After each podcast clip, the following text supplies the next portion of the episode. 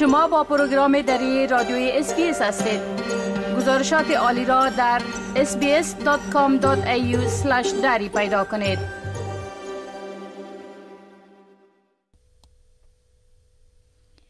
شنوندگان محترم و حال همکار ما آقای جاوید رستاپور از طریق تلفن با ما به تماس هستند و در مورد موضوعات عمده در افغانستان گزارش میتن آقای روستاپور سلام خدمتتان. در آغاز اگر بگوین که خب من کار زنا در سازمان ملل متحد باعث اعتراض تعداد از کارمندای سازمان شده.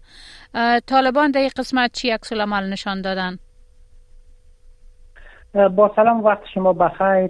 برای امان گونه که شما اشاره کردین من کار زنان در نادای مددرسان و در آخرین مورد هم در سازمان ملل یا نمایندگی سازمان ملل در افغانستان یونما واکنش های بسیار تندی را در سطح داخلی افغانستان و به سطح بینالمللی برانگیخت و در آخرین مورد هم روزی گذشته شماری از زنان معترض که اعتراف جنبش های اعتراضی زنان اینا به تحت عنوان فعالیت می‌کنن در واکنش و من کار کارمندان زن سازمان ملل توسط طالبان اینا از سازمان ملل یا از یونما خواستن که نمایندگی دفتر خود را در کابل بسته کند. زیرا به گفته این زنان معترض یونما از حقوق بشری کارمندان خود حراست کردن نتانسته و فعالیتی آن موثریتی به مردم افغانستان دیگر ندارد. اعضای این اطلاف در یک نشست خبری در کابل گفتند که ممنوعیت کار زنان در سازمان ملل از سوی طالبان قابل پیش بینی بود و اینا تاکید کردند که پیش از این هم اینا از سازمان ملل و از دیگر مددرسان و از سرمایشی سازمان ملل خواسته بودند که تعلیق کار زنان را در نهادهای مددرسان و همچنان در نهادهای غیر دولتی و در مکاتب جدی بگیرن و با طالبا فشار وارد کنن ولی اینا چی ندادن توجه نکردن و در نهایت طالبان کار زنان را در نمایندگی سازمان ملل به حالت تعلیق در آوردن و در چنین وضعیتی به گفته این زنان معتری فعالیت سازمان ملل در افغانستان یا نمایندگی سازمان ملل یونما در افغانستان هیچ موثریتی ندارد. و باید این یونما دفترش بسته شد و کارش به حالت تعلیق در بیاد زنان معترض همچنان تاکید دیگهشان این است که سازمان ملل یا دفتر یونما به دفتر معاملات سیاسی در کابل تبدیل شده و این دفتر در کابل در بسیاری موارد جنایات طالبان را نادیده گرفت. طالبان نه تنها حقوق زنان را نقض کردن بلکه شکنجه کردن مردم را بازداشت های خودسرانه طالبان را. به همین ترتیب شماری از نظامیان پیشین را که در زندان های طالبان اینا زیر شکنجه جان باختند و ده ها مورد نقض حقوق بشری و جنایت بشری طالبان را سازمان ملل نادیده گرفت و به نوی با طالبان تعامل کرد. بنابراین سازمان ملل به گفته از یک معاملات سیاسی را به گروه تروریستی وارد تعامل شده و فعالیتش در کابل هیچ موثریتی برای مردم افغانستان نداره.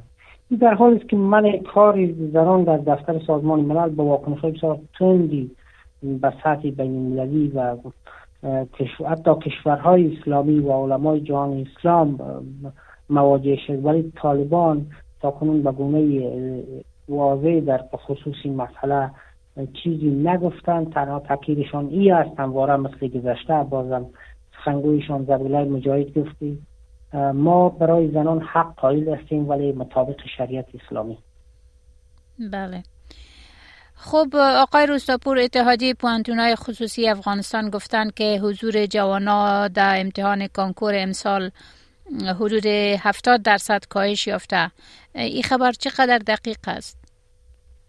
دقیقا اتحادیه دانشگاه های خصوصی افغانستان یا پانتونای خصوصی افغانستان گفته که امسال حضور جوانان در آزمون کانکور به بیش از هفتاد درصد کاهش یافته. کریم ناصری سخنگوی اتحادیه گفته که کانکوری که در کابل و به سطح افغانستان داشتن کاهش هفتاد درصدی محصولین را نشان میده و در سالهای گذشته گفته که در هر پانتون اینا 300 تا 1000 پذیرش داشتن.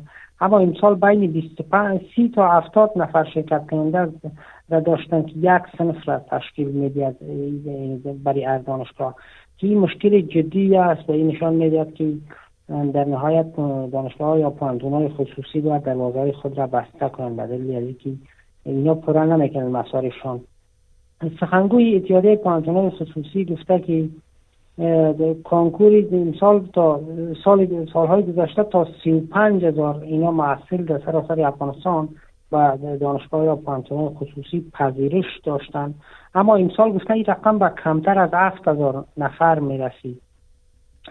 بخشی از این کاهش هم به گفته این اتحادیه این است که دختران بیشتر به پانتون خصوصی را پیدا می‌کردن و بخصوص در ولایات که اینا به کابل یا به کلانشهرهای افغانستان برایشان مشکل بود که برند در ولایات خود اینا کانکور می‌دادن و پانتون که در ولایت دعا پانتون خصوصی در سالهای گذشته آغاز به کار کرده و فعالیت داشت. اینجا درس میخواندن. و این سال کاری تحصیل دختران به حالت تعلیق است و از طرف طالبان.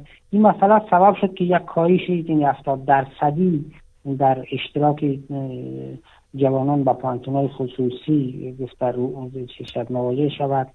و این مسئله و این مشکل سبب در نهایت بسته شدن یعنی 70 درصد های خصوصی که بیشتر از این میان 50 درصدش پیش از این بسته شده بود دروازهش و از های فعالیت داشت حالا از اینجا 70 درصدش بسته خواهد شد و این موضوع سبب خواهد شد که تحصیلات عالی خصوصی در افغانستان در نهایت با رکود کلی مواجه شود. بله. تشکر.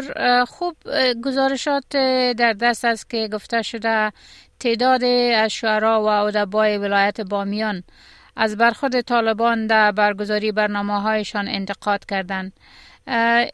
در مورد جزیات این انتقادات اگر به شنانده های ما معلومات بتین بله در نخست شماری از شاعران و فرهنگان ولایت بامیان مدعی شدن که طالبان گفتن که مطابق به میل آنان برنامه اجرا کنند و شعر بسرایند.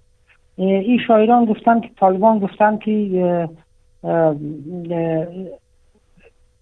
دولت فعلی یا این شاعران گفتن که دولت فعلی یا حکومت طالبان از اونا خواسته که با این حکومت یا با اداره محلی همکاری کن ولی خواست اونان و گفته شاعران این است که در وصف امارت اسلامی و والی و یا رئیس الوزراء رئیس اطلاعات فرهنگ و با می ترتیب دیگه مقام های طالبا باید شعر بسرایند که این مسئله و باور فرهنگیان بامیان آزادی بیان را زیر پرسش برده و برای یک شاعر یک فرهنگی بسیار سخت است که در وصف مقام حکومتی اونم یک حکومت استبدادی شعر بسراید و این شعرش در آینده ماندگار شد که به گفته شاعران بامیانی که نخواستن نامشان از یاد برده شد به برخی رسانه گفتن که یک لکه به دامن فرهنگ و به دامن یک شاعر که در وصف کسانی یا مقامای شعر بود که مردم را به دروگان گرفتند.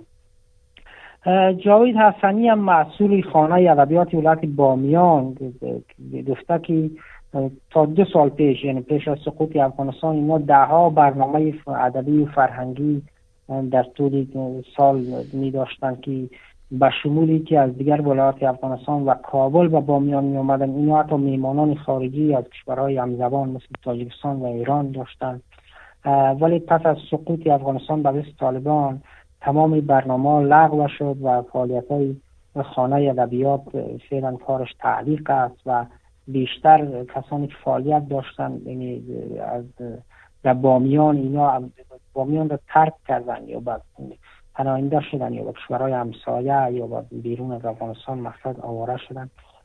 ولی با وجود اینم طالبان حالا از اینا خواست می‌خوان که حمایتشان را یعنی برای ازیا شعر بخوانن یا برای ازیا برنامه برگزار کنن که این مسئله سبب شده که اونا حتی جوازی فعالیت یک خانه ادبیات لغو کنن و به کار یعنی یا به موجودیت یعنی پایان بدهند بسیار زیاد تشکر از شما آقای جاوید رستاپور از معلوماتی که ارائه کردین.